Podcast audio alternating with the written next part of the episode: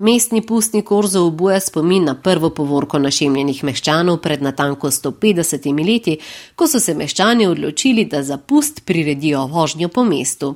Okrasili so vozove, na katerih so se meščani pokazali v čudovitih barvitih maskah. Na to pa se, kot je za fašenk navada, vozili od gostilne do gostilne, kjer se je pilo, plesalo in veselilo, pravi zapis v Ptujski mestni kroniki, ki ga zgodovinarka Marija Hernja Masten dobro pozna.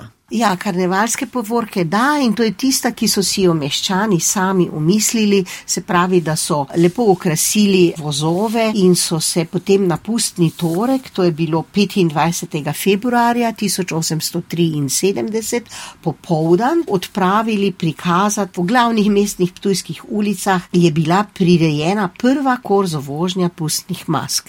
To so bili domačini, sodelovalo je okoli 20 konjenikov, to je dosti ne 20 eh, opremljenih kon, potem štirje vozovi so bili, ki so bili eh, okrašeni z rožicami in z tem pač, kar so predstavljali in so se v tej popovdanski povorki seveda vozili po mestu in vabili kasneje na uh, veselico pravzaprav v posamezne gostilne.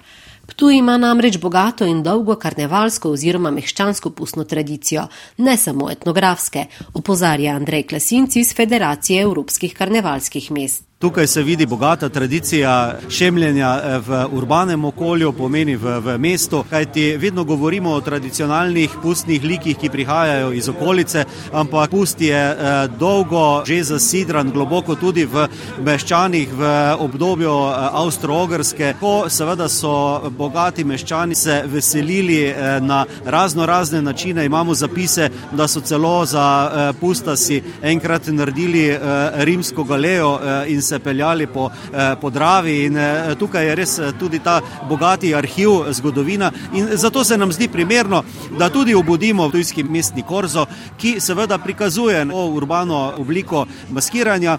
Na letošnjem mestnem kurzu, ki ga v času kurentovanja pripravijo v soboto pred mednarodno karnevalsko povorko, ni bilo nič kaj drugače. Številni meščani so se lepo upravljeni in namaskirani sprehajali po ptujskih ulicah.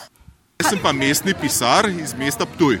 In kaj ste doslej zapisali, so letos na korzu spodobni meščani? A, letošnjo leto so kar spodobni meščani, pa upajmo, da bojo naslednje leto tudi. Imamo kar nekaj maskiranja za sabo. Je torej. Maska nekaj živega na ptuju. Tako, maska je živo na ptuju. Mislim, da to ne bo izumrlo nikoli. Del duše, to moraš nositi v sebi, v srcu, v duši. In potem je pravzaprav na ptuju veliko lepše kot sicer ne, ko nosimo maske, veliko bolj veselo. Je kar veselo, ja. Zdaj, eni nadenemo maske, drugi si pa jih snamejo, ne pravimo. V glavnem, cilj in point je vsega, da se zabavamo. Rodili smo se ne? za korzo ptujski, ne? Zato da se pokažemo. Mi predstavljamo srednjeveško obdobje oziroma obdobje renesanse. Prav so bile tako lepe gospe na Ptuju? Ja, so bile, predvsem pa na Ptujskem gradu je bilo življenje srednjeveško zelo pestro. Lepo je tale mestni korzo. Pogledati so jih prišli tudi številni maskirani obiskovalci. Prišli smo se pokazati in pogledati. In kaj ste pravzaprav, cela družina? Družina Ješkov tradicionalno se maskiramo vsako leto, vedno izbiramo tako, da smo, oziroma inspiracijo najdemo vedno v živalih. Jaz sem navijačica Kleopatra. Ste radi maska in zakaj eh, se vendarle odrasli maskiramo? Ne vem, zato ker že od eh, mladih let se rada maskiram. Če je pust, je fino, da smo vsi v tem in vsi namaskirani, da je boljše vzdušje.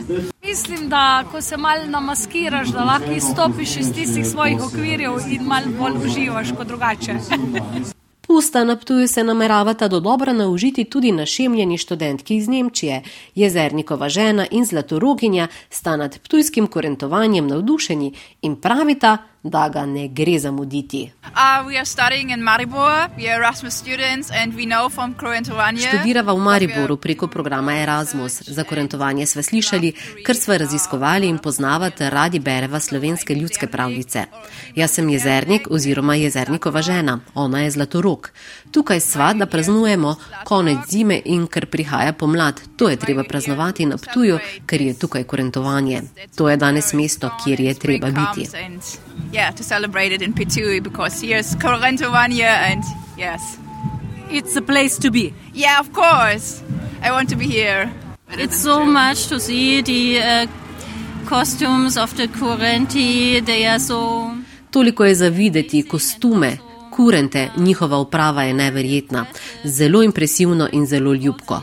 Tudi sinoči, ko smo videli krampuse, bili so zelo lepi. Pri nas ne poznamo kurentov, vse to je nekaj posebnega in je vredno priti sem.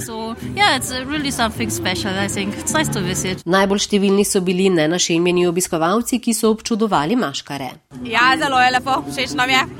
Čudovito je, no. Je to zelo zanimivo in je to zelo dobro, da so otroci seznanjeni s tem, že od malega, da jih seznanjamo.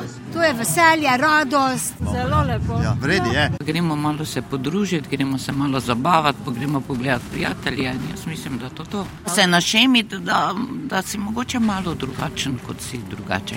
Je včasih lepo biti drugačen? Včasih treba biti drugačen. Na, na prijeten način.